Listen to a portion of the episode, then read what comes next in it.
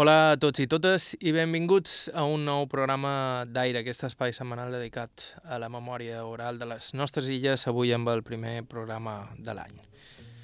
Un programa que enllaça amb el programa anterior, on vàrem començar a repassar alguns dels testimonis més memorables de tots els que hem recollit al llarg de gairebé 60 programes. De fet, aquest que escolteu ara mateix és el que fa exactament 60. La setmana anterior sentíem parlar de contraband, un dels grans tabús de la nostra història. En el programa d'avui, el protagonista serà la Guerra Civil, un tema que, de nou, molts testimonis han evitat durant anys, sobretot per por represàlies. A mesura que ha passat el temps, però, la por ha anat deixant pas a la recuperació de la memòria d'aquells anys terribles, així que avui a Aire toca tractar un moment de la nostra història que va deixar seqüeles que encara perdonen avui dia. En tot cas, començarem aquest viatge fent un pot de voltera, una cosa que ens encanta fer per aquí. Arrencarem a Menorca parlant de pagesia i cavalls i recordant alguns dels personatges que més ens varen arribar al cor dels que vàrem entrevistar i conèixer quan vàrem visitar l'illa. Estau escoltant Aire i Vetres Ràdio, vos parla Joan Cabot, començam. Mm.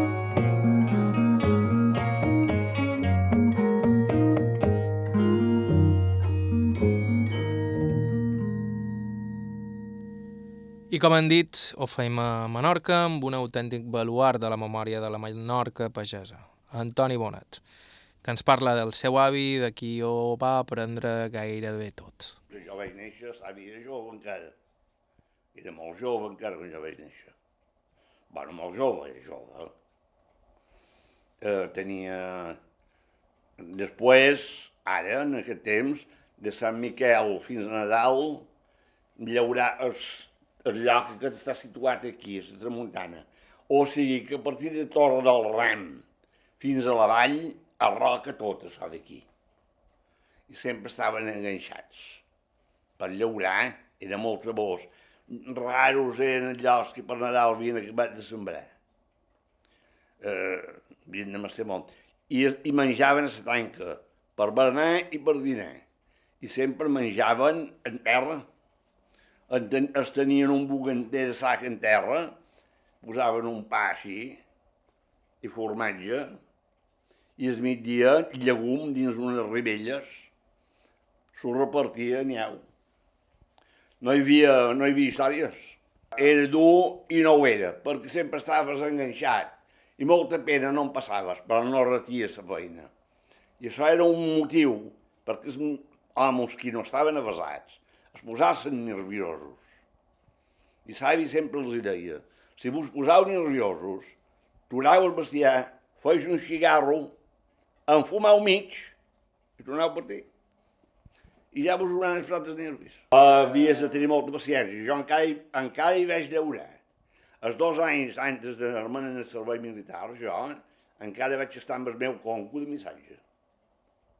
I encara vaig, vaig fer tot ben igual, ben igual que temps del meu avi. I hasta i tot el salari va ser ben igual que el que donava el meu avi. Més doblers, guanyava, però per Nadal, per Nadal, donaven un corter, un pa, que de farina havia de ser de Barcella, i un corter. I hi ha una cançó que diu el dissabte de Nadal he acabat de dar guó. El pa, el corter i per avall i a cercar un pagès millor. Jo vaig llaurar de bous. El meu cosí, que, que era una miqueta més jove que jo, llaurava, llaurava de matxos. I un altre missatge que ja que era esquí, era el més, el més vell, però era, era, un, era un parent del meu avi, i havia estat sempre de missatge allà. A vegades emprava el cavall i un matxo, però no li, si un altre ho podia emprar, ho donava un altre, i ell emprava també dos baus. No es feia. Però era un mestre de cavalls, aquell, eh? Que era un mestre. El meu avi no era un mestre de cavalls. El meu avi era un cavaller que sabia manejar cavalls, i això, però mestre no ho era. Però aquell sí que ho era. I a vegades discutien unes barades perquè és de ser de qüestions, però van ser qüestions, va tot. molt difícil treballar amb els cavalls? Mm, segons quin, sí. Aquest ho era un poc. Aquest, quan començava a llaurar, era les úniques feines que feien, n'hi havia qui no en volien fer mai de feina, però eren bons per treure mulats, per treure recria. Però aquest era bo per treure mulats, però l'única feina que li podien fer fer, quan li havien ramput damunt les costelles un parell de guatlles, llaurar de bous, el conco, la sarava si no li deia feina. I després batre una estona, que el meu avi deia que batre era perdre temps, perquè no volia, no, no, no, no, no volia batre. Ei, Total, no jo ho feia anar darrere de tot, perquè si no, i si el posaven dur ara un altre matxo, sempre havia de dur un moral de ferro, perquè era desastrós. Va fer història, va, va ser el darrer que jo vaig veure, D'aquest cavall. de cavalls, sí. Ja no he vist cap més. El meu cosí encara va anar a la festa amb un de jove, però així d'aquest, però ja, el que ja havia acabat, i després va acabar i ja no va, com ja no va tenir cap mai més.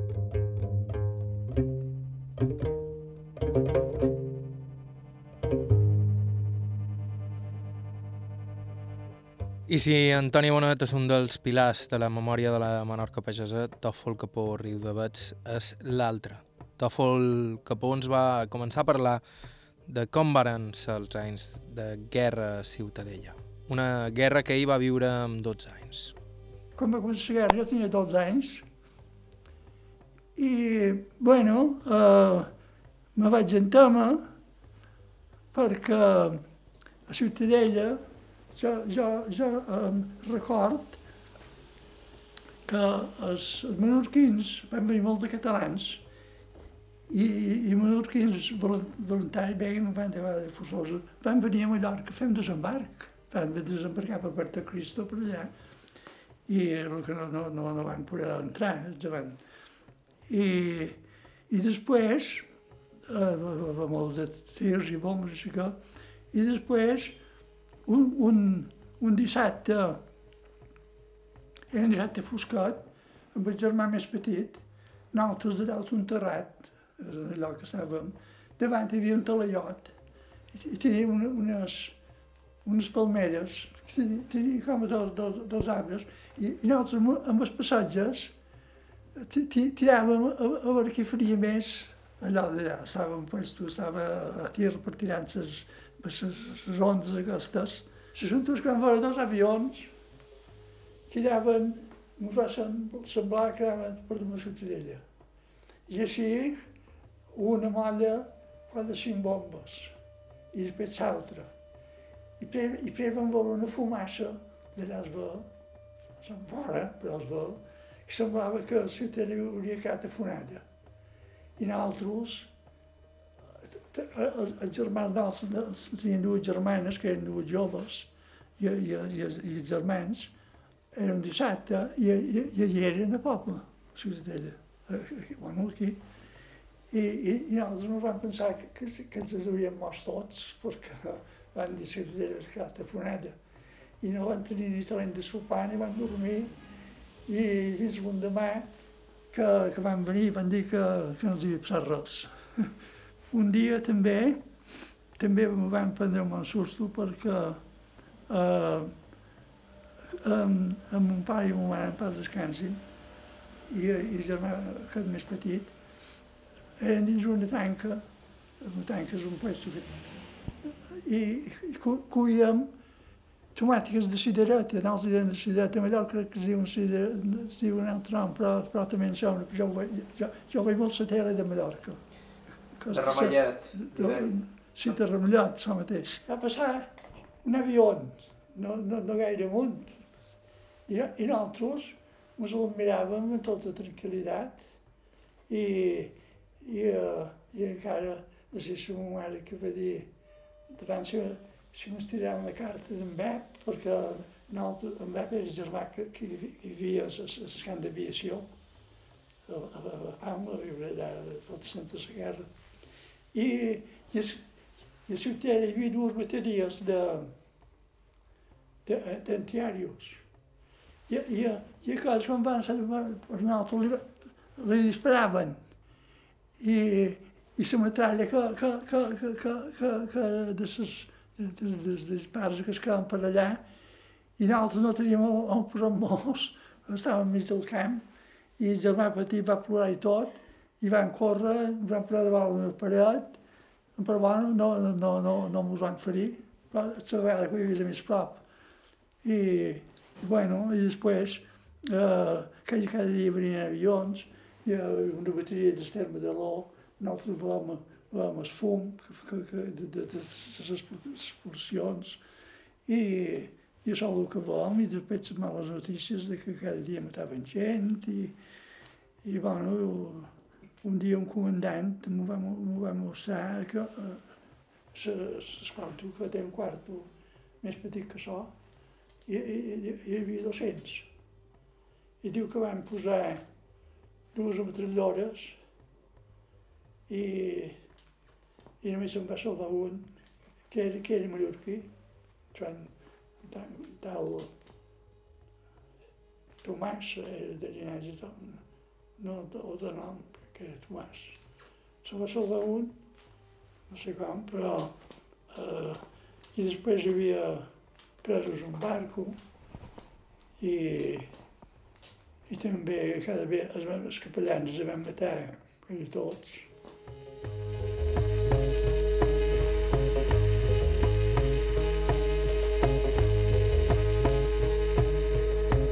Aquesta mena d'històries les hem sentides de nou fa ben poc. Va ser Cisco Moy que ens parlava d'algunes històries realment semblants. Dormia a coves per por a les bombes i represàlies d'un i altre bàndol i sobretot la por de la gent de Menorca. Quan va començar tenia cinc i ho record tot. Quan, el dia que va començar la guerra, el moviment que hi havia més a manco no, jo dic que ho recordo tot el que jo vaig veure. I, i després, durant la guerra, quan venien avions a tirar bombes, eh, durant la guerra va ser una aventura perquè on anàvem, la gent del poble sortia per, pel camp en els llocs i, i anava per por de les bombes, a dormir dins les torranis, i, i no vull dir res, dins un soterrani, aquells, cada un du al seu llit i, i posaven una flaçada amb una corda per separar eh, una família de salts per no veure com es despoaven sense llum, zona amb una espelma, i, i dormien dins el soterrani i allà era una música perquè un qui roncava, un qui fa una altra cosa i, i podeu comptar. I, i el vespre divertint d'anar in un sotterrani a dormir eh, un tros en fora de Cateu era un poc, un poc dur. Quan venien avions van tirar bombes, eh, nosaltres ne vam anar a viure a Sortal, que, que teníem, després vam anar a viure eh, a un lloc que diu Sant Triai, la banda del nord, i ens van trobar allà tres o quatre famílies a la Ciutadella i els pagesos s'ho han puesto.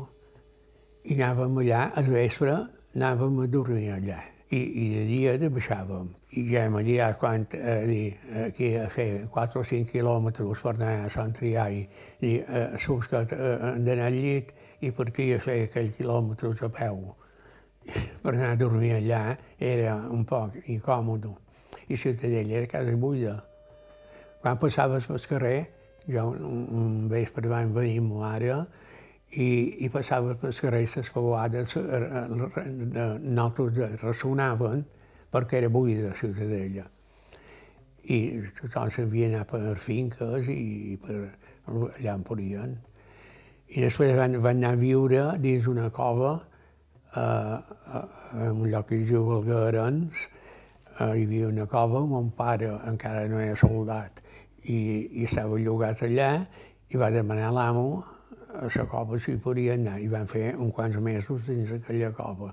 I tots els dies jugàvem per allà amb els germans i, i, i el vespre anàvem a dormir a les cases del lloc. L'amo va fer puesto, anàvem a dormir allà. I vam fer un ranxo de mesos per allà i quan va acabar la guerra, el 8 de febrer, eh, érem un lloc per la banda de on hi ha el polígon, ara que, que el lloc ja ha desaparegut, i, i dormíem allà dins una cova també amb un ranxo de família. I, i aquell vespre va acabar la guerra, el 8 de febrer. D'aquí uns segons, més històries sobre la Guerra Civil a Menorca i a la resta de les illes. Estau escoltant Taire, fem una pausa i continuem.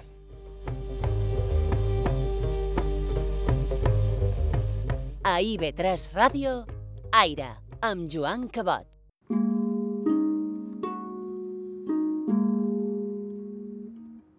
A IB3 Ràdio, Aire, amb Joan Cabot. Hola de nou, esteu escoltant Aire a IB3 Ràdio. Avui amb aquest segon programa repassant alguns dels moments que més petjada ens han deixat per aquí en els 60 programes que ja duim. Ja sabeu que si voleu sentir el de la setmana anterior podeu fer-ho a la ràdio a la carta, ib3tv.com barra ràdio. Nosaltres continuem a Menorca. Allà vàrem conèixer en un dels nostres viatges a una dona increïble que malauradament va morir poc després d'aquesta entrevista que escoltareu. Ella es deia Antònia Carreras i aquesta és la seva història. Antònia Carreras Triai. Vaig néixer el dia 12 de novembre del 22. I vareu néixer aquí a Maó? Sí, fins que va estallar la guerra, mon pare era d'oficines militars, molt republicà, a la casa tots han viscut la república i anticlericals, no sé per què, en aquella època tothom us coneix. I mon pare va trobar que m'ho havia d'anar quan van fer el desembarc de de Palma, cap aquí, però de Palma, dels fascistes amb una paraula. I mon pare eh, pues, se va, va enviar una nota dient que se n'anava amb un barco anglès que va ser que va venir a tractar la claudicació de Menorca amb, amb el fascisme, bueno, amb en Franco. I, I clar, jo era molt parella, i vaig agafar ma mare per ses mans i hi havia un barco anglès que està allà el tens retratat, el Desboirer, que recollia que anaven. Però jo vaig agafar ma mare per una banda i mon pare ja era dins del Desboire. I quan me n'anaven, pues, allà on és ara el Minerva, un restaurant, havia que era jefe dels d'allò, des de dalt, de, de reflectors. ¿Y dónde van? ¿Dónde van ustedes? Y yo, me va mi padre, a mi padre. I, vinga, entren, entren. I mos van posar dins una motora que era la que anava a l'hospital militar que hi ha a Silla enmig. Allà, com que eren malalts, pues no, no mos van disparar, que diguem, però quan van ser a una altra illa que hi ha, que li diuen illetes, empremta del castell, pues allà mos van començar a disparar i sentia les bales que anaven dins l'aigua. Però això era mon pare que volia, i ma mare me deia de tot, loca, mira on anem a parar, mira que ens mataran. Bueno, quan van ser llavors el barco del desboi, que elles tenen a les aigües internacionals, pues ja van estar a salvo. Que diguem, i per pujar en el barco era una, una, una escala de cordes. Em van passar un fong per pujar aquella escala. Bueno, jo em prengué ma mare i van ser dalt. Quan van ser dalt, mos van trobar a, a moltíssims de maonesos, maonesos i menorquins, perquè hi havia de Ciutadella. I, i un que me coneixia molt diu, on nau, on nau? Dic que mon pare, mon pare deia només. I diu, ton pare és en el barco, no passis pena que el trobaràs. Jo ja vaig veure el cel obert perquè vaig pensar, bueno, Sí, i damunt les 12 de sa, ma- del migdia, quan van arribar, ara no sé si és Esport o Bahia Palma, que no sé si mos van dur a la Bahia o a Palma. Sé que allà va de ballar per nosaltres el traïdor que havia vingut a, a vendre silla. I li van fotre una pitada de pa de senyor meu, tots els que m'on anaven. I ell i va, dir, va acabar a Palma i nosaltres deambulando amb el barco perquè no donaven asilo polític al món, més si no eren jefes o, o, o intel·lectuals de per Madrid i de per Barcelona, bueno, clar, sempre passa, i, i nosaltres al final aquí era el poblatxo llevat de, del jefe de Sant Major, que era un tal Redondo, el de la base, que era Nicanor de nom, per cert, fill, el van matar a la base sense pel·lir res, consell ni res. De dins dels barcos van saber ja les notícies de que havien fusellat en, en Nicanor Menéndez. Després, fins a les 10 del vespre, van dir ara França dona entrada en el barco i van anar a parar a Marsella. Marsella mos va desembarcar, ja hi havia la policia francesa, i posaven un puesto franco sí, franco no, i clar, és que m'on havien dat, la majoria era franco no. Per un mauret sí que se va colar en el puesto de, de Franco sí, i tots li van fotre una pitada, i ell diu, és que això no sé, no sé on som aquí. Bueno, la qüestió és que el van fer tornar a nosaltres.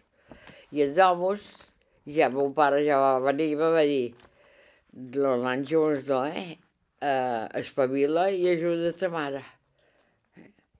I ells se'ls van endur, un autobús d'aquests en gendarmes, i van anar a parar a la platja d'Argelers, Sirmer, que era ben igual que la platja d'aquí de la Mesquida, però sense casetes, res, res, de res, de res, més que serena. I cavalls i senegalesos, que passejaven per allà.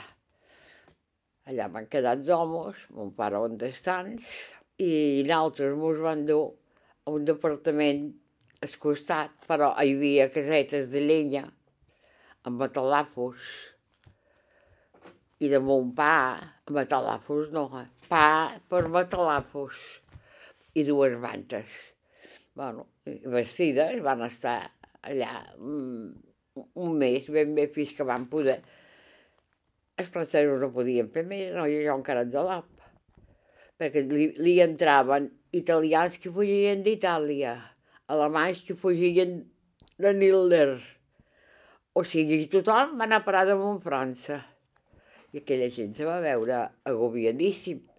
Mon pare va ser un d'aquells que es va estar dins la ne dins neu, dins l'arena per tapar-hi, perquè quan van arribar, tant els catalans com els maonesos, pues, només hi només hi havia arena, ben igual que fos la mesquida, i se van haver d'acabar fotuts a dins i tapats sense arena mateix. Ara, al cap d'un quants mesos, ja van tenir mantes i ja no va ser igual. I allà vam estar bé. Amb el sentit de que era un hospital i veies, veies que imploraven, bueno, un hospital. Però el menjar, el menjar va ser favorable, van anar bé, ens donaven roba, eh, els americans també, uns que ens deien quàquer, quàquers americanos, ens van ajudar molt, i la Creu Roja també. I van estar allà. Mon pare pres va demanar per sortir del camp d'Argelers perquè era infernal. I es va llistar a les brigades d'obres i fortificació que els van destinar eh, allà on molt és molt famosa baix del, del sud de França, Marsella. Es van destinar a Marsella i allà van formar una, una brigada d'espanyols per fortificar tota la banda de França perquè ja veien que els alemanys volien entrar, bueno, van entrar a França. I ell, allà ja ens hi donaven, no sé què era, un pot de doblers i el verguer. Bueno, I ells ja van navegar. I nosaltres totes estem en l'hospital de Devora Lyon. No estem malament perquè tenia llit, calefacció i menjar. Però després va ser quan van entrar a França els alemanys, que era un dia de Sant Joan. No sé de quin any, perquè aquests anys no me'n record. Però jo era una adulteta i sa mai era Joan i sa mai anem a, anem cementeri, que avui és Sant Joan. Eh? Bueno, van anar al cementeri, quan van ser al cementeri vaig sentir aquelles famoses putades, pum, pum, pum, pum. I es fuixer, madams, madams, dic, què hi ha? Que us maguessin, que us maguessin. Diu, entren los alemanes a París. Ah, i això, no, no sé, que no m'ho moguessin, bueno, m'ho van fer entendre i van fer tota aquella tarda i noche al cementeri amb aquells puixers, que diguem, i és de matí una van anar cap a Canossa, que era d'hora León. Ells havien ocupat França mitja. I després, mon pare, com que feia les brigades, va poder venir. I, i van llogar un apartament, un apartament, que per cert, darrere nosaltres hi havia una senyora, un home matrimoni, que li havien mort el fill, els alemanys, i mos va atendre com si fóssim el bon Jesús mesquina. I sempre avisava quan sentia les putades, feia pum, pum, pum. Que mos coneguéssim, mogués. Bé, i, i això va ser fins que mon pare va decidir que no podia seguir així per jo i va escriure una germana a Barcelona a dir si me volia i la tia va dir que sí, tot d'una, i vaig entrar jo per la frontera i vaig anar a parar a Barcelona. I com vareu fer el viatge? Eh? Com vareu fer el viatge? Vaig fer el viatge amb autobús. Per cert, sempre me'n recordo que una de les primeres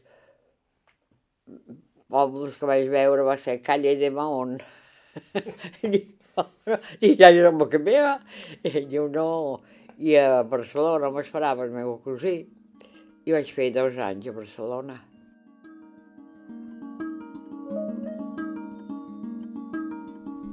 A l'altra punta de les illes, a Deà, ens vàrem trobar un mallorquí que també havia viscut els darrers dies de la batalla de Maó, en el bàndol contrari al nacional. Ella és l'amo Antoni Trona, una institució dins el poble, conegut per tothom allà, i una persona increïblement lúcida, malgrat tenir 102 anys. La Montoni ens va deixar de pedra quan ens explicava com durant aquells dies de la guerra obligaven els soldats com ell a fusellar presoners i ell no podia contenir les llàgrimes quan ho recordava. I deveu tenir record de la guerra, de la guerra civil? O... De la guerra? Sí, i que té de record de la guerra. I no estic, no, no, no estic molt satisfet perquè el que vaig fer ho havia de fer perquè ho havia de fer. Jo vaig anar molt, vaig anar molt el dia 12 de febrer. I ara, jo vaig venir dia 20 d'agost, cap aquí. Però allà estàrem, i vam arribar qui s'havien acabat, eh, eh, les tenien tots els maonesos, estaven tots detenguts i això, i nosaltres teníem una, una nave llarga. I un dia de matí van venir dos, un, dos, tres, un, dos, tres, van agafar sis i per amunt a la mola, al capdamunt de la mola, un fusellament. I qui no l'ha vist, qui no ho sap, no ho pot dir. Y lo primero que nos dijo si uno se escapa, usted está en su lugar. Guapo. Allà veia una persona que no t'ha fet res, ja, que la tens aquí, ja, uau. I tens altres darrere tu la pistola, per, per, per, per altres. Per, per obligar-vos a disparar. Els militars, per jo,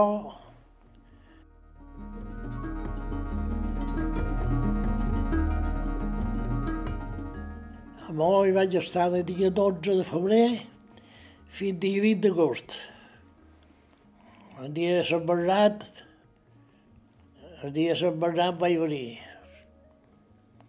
Com és que vareu haver d'anar a Maó? Vos sabíeu en...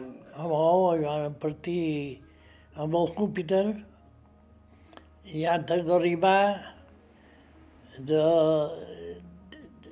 de, de, de, la bateria que hi havia allà damunt de la mola, damunt la mola va enviar un canyonasso. I el Júpiter va fer mitja volta i sortir per fora. Llavors les coses s'ha calmat, tot l'àrab, i va desembarcar a Ciutadella. Llavors de Ciutadella, mon anàrem, n'hi havia que van anar a peu, nosaltres mon anàrem, com que jo estava a l'estat major, estava de, de, de, de l'estat major, anàrem, nosaltres mon anàrem amb dos cotxes cap a Bó, de la Ciutadella, i els altres venien a peu, però ja no hi va haver res més allà. Ara això sí, allà la bola era un...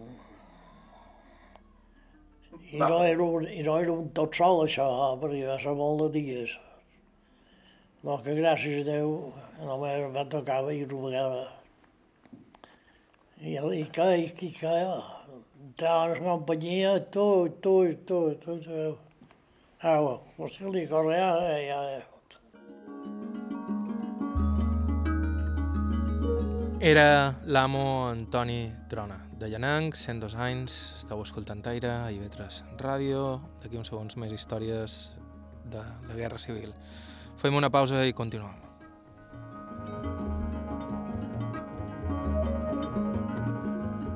Aire, Joan Cabot. IB3 Ràdio. Aire, Joan Cabot. IB3 Ràdio. Hola de nou, estàu escoltant Aire a IB3, vos parla Joan Cabot. Avui estem fent un repàs a alguns dels millors testimonis d'aquest programa. Tan senzill com complicat. Al final, la nostra feina és trescar per les illes, a la recerca de gent amb històries que contar. I a Formentera ens varen trobar amb una autèntica joia. Una joia que viu amagada a un costat del far de la Mola, en Pep de Can Jaume d'Escamp, un formenterer d'aquells autèntics que, de fet, va ser el protagonista d'un fet històric, el rescat d'un aviador alemany durant la Segona Guerra Mundial. Aquí el teniu explicant aquesta història. Un dia estàvem treballant per sol post més tard que ara, sol post. Van passar quatre avions, quatre bombarderos aquells que els deien nosaltres, avions cap aquí, cap, a, cap al sud aquí, baixos. Jo vaig dir a casa, dic, carai, dic, no m'agrada mi aquests bombarderos, aquests, alguna banda van aquests, eren la guerra, la guerra mundial. I era la darrer. Bueno, i res.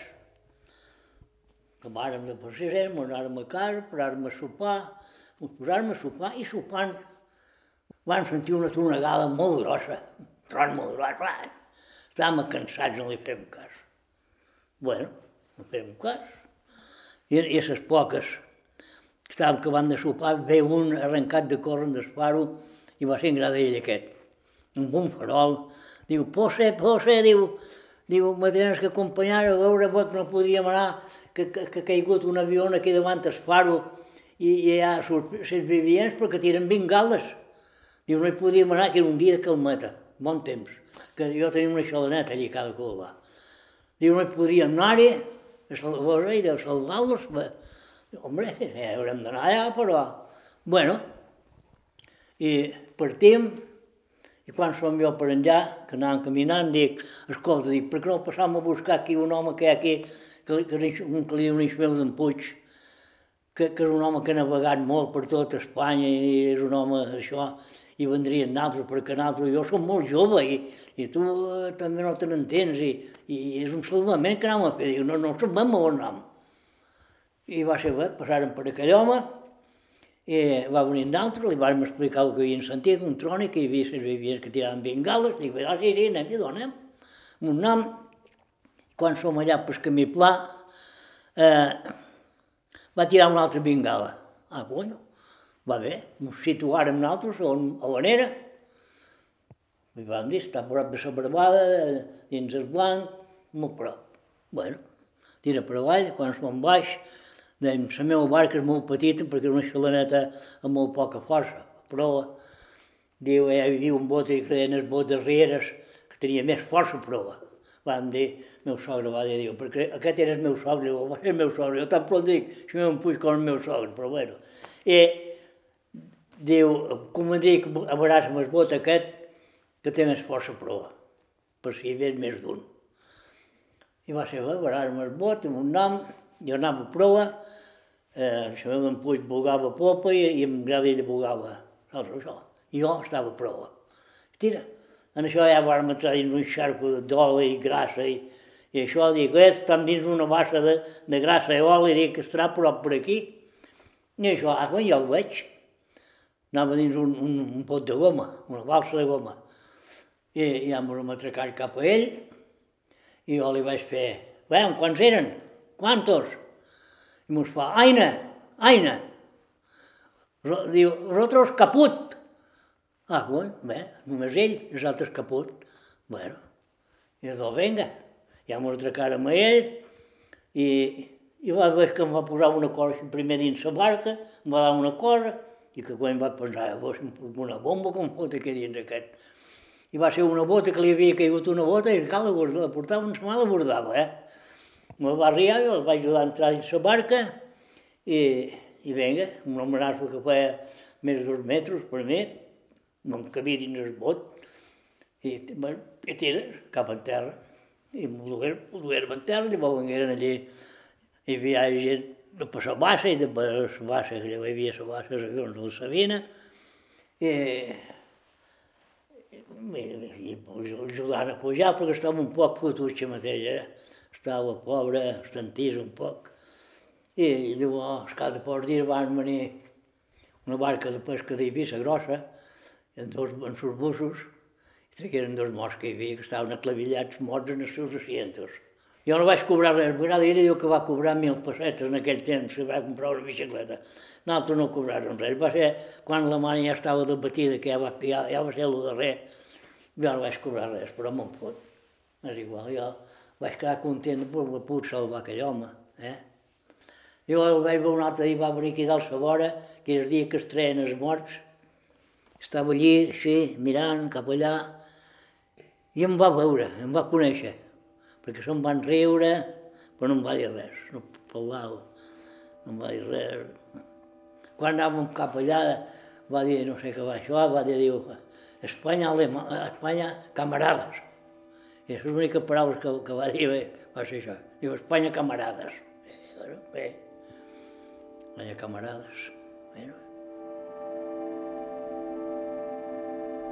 A més del rescat de l'aviador nazi, en Pep també ens va descobrir una altra cosa que ens va fascinar, la guiat de tortuga. Segons ell, un plat deliciós que avui dia s'ha deixat de preparar, òbviament perquè està prohibit pescar tortugues, però que un temps era molt habitual i tradicional a Formentera. Me'n recordo que una vegada un companyero meu sortirem un dijous sant, llavors dijous sant a la tarda hi havia la festa aquí, de la professor i la festa. Sortirem, carregàrem 16 tortugues, un botet ben petit, eh? 16 tortugues, anàrem molt fora, 16 tortugues, i per hora d'anar a la festa, la tarda ja tornàvem a la casa, havien agafat 16 tortugues. I com aquesta volta ho eren moltes vegades. I què fèieu amb les tortugues? No menjàvem. Menjàveu tortuga? Carai, menjàvem nosaltres una vegada, aquella vegada que jo agafàrem 16, el sant demà. Jo és primo que dic, anem, els de dur escaló, bo, si mos envien a Eivissa, en faríem sous, i escaló hi anava un lleutet, sortia un lleut a la vela. I anàrem, i, i els mariners del lleut mos diuen, no importa, els envieu a Eivissa perquè està, minat de tortugues. Els hem de tirar a la mà. Dic, idò cap a casa. Jo vaig venir a casa a buscar un carro una somera que tenia, i vaig tornar a Escaló, carregant les tortugues i cap a casa. Els emmullars vaig passar per, casa, per la seva casa, d'en Joan, i li vaig emullar la meitat de les tortugues dins, dins la tanca, i a casa també els vaig emullar per dins la tanca aquí, i a menjar tortuga. I a menjar-me nosaltres en menjar més d'un mes de tortugues. El matí només, el migdia només, eh? Migdia un bon guisat de tortuga i la nit no. I el meu pare la va enyorar encara, diu que el dia que es va acabar encara la va enyorar. Estava bona, la tortuga. Molt. Jo, jo ara, ara mateix som vell. Per un guisat de tortuga no sé què faria, eh? Però que fos bastant ben fet, eh?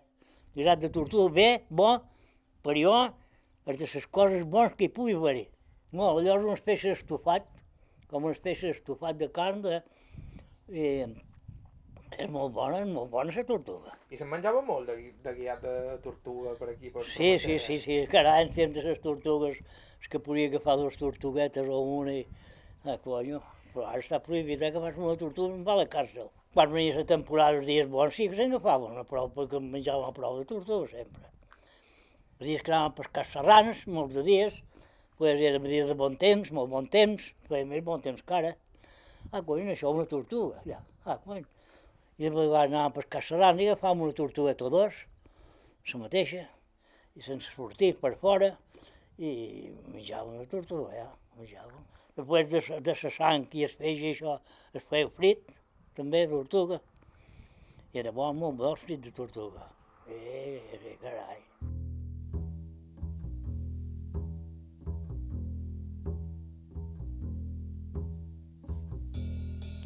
I no tenim temps per més. Si voleu tornar a sentir qualsevol dels nostres programes anteriors, ho podeu fer a la ràdio a la carta, a ib3tv.com barra ràdio, o bé subscrivint-vos al nostre podcast a qualsevol dels serveis habituals. Com heu pogut comprovar avui, el nostre arxiu està ple de petites joies. Si teniu propostes d'entrevista o vos voleu posar en contacte amb nosaltres per qualsevol cosa, ens podeu escriure a aire.ivetresradio.com i també ens podeu seguir a Facebook i Instagram. Bàrbara Ferrer i Margalida Mateu a la producció executiva, Bernat Nadal a la producció tècnica, vos ha parlat Joan Cabot. Fins la setmana que ve, molts d'anys a tothom.